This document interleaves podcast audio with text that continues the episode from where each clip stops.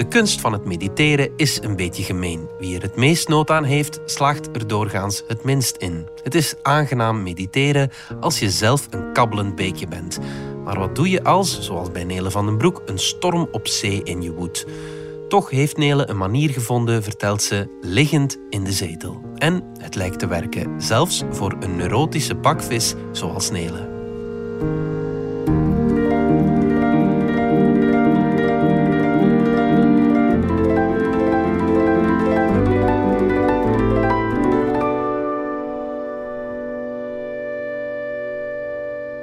Nu heb ik al verschillende keren in mijn leven geprobeerd om zen-boeddhist te worden.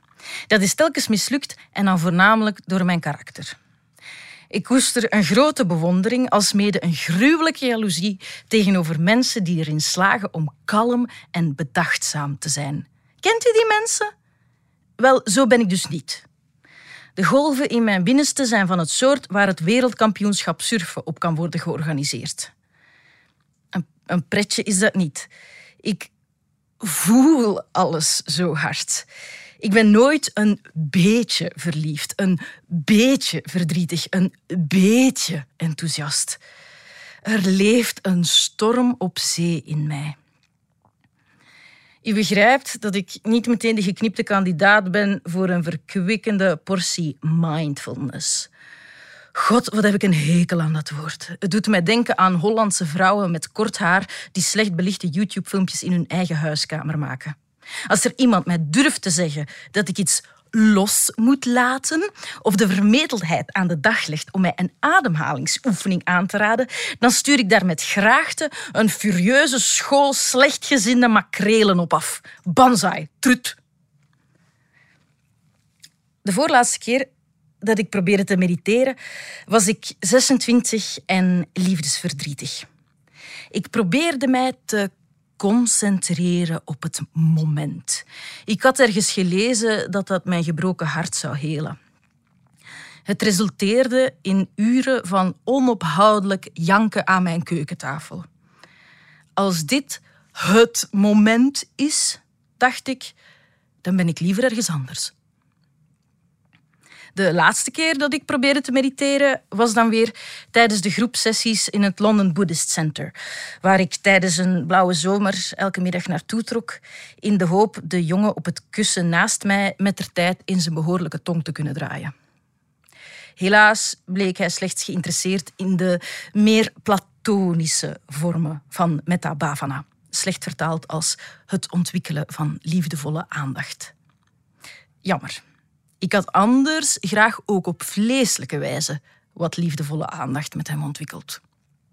Bon, om maar te zeggen, ik ben nog niet zo ver gevorderd in mijn proces van onthechting. Maar tegelijkertijd is het mij niet ontgaan dat het met de jaren toch steeds moeilijker wordt om met mezelf te leven. Zo bevond ik mij halverwege de tweede COVID-golf weer eens huilend op de grond in mijn gebruikelijke garnaalpose. En omdat ik daar dan toch was, installeerde ik een meditatie-app. Niet omdat ik dacht dat het zou helpen. Wie over meditatie praat, weet er niets van. En wie er iets van weet, die praat er niet over. Dus neemt u alles wat ik zeg met een flinke rots zeezout. Ik probeer tegenwoordig dagelijks 30 minuten te mediteren. Eh, dat zitten in kleermakers zit, dat doe ik niet. Ik lig gewoon neer in mijn zetel. Eh, de Boeddha zal het mij wel vergeven en als niet, eh, dan moet hij maar dringend eens wat ademhalingsoefeningen gaan doen voor zijn issues. Een half uur lang kijk ik als een toeschouwer naar het woelen in mijn kop. En als er een golf komt, dan laat ik die passeren en leid ik mijn aandacht terug naar het anker van mijn ademhaling. Meer is het niet. Maar ik vermoed dat het helpt, want de dagen lijken net iets draaglijker te worden. De golven zijn niet verdwenen. Maar er heeft zich een vage intuïtie gevormd over een zee die veel dieper is dan ik dacht. Ergens onder het getij is er een plek waar het altijd rustig is. Daar is geen verdriet Geen afgunst en geen faalangst. Een groot zenmeester en onderschat componist, genaamd Sebastiaan de Krap, verwoordde het als volgt. De blaadjes zijn altijd groener in andermans zeewierwoud, maar als je daarvan gaat dromen, bega je een grote fout. Als u deze woorden niet kent, dan behoren u of uw kinderen tot een andere generatie dan ik.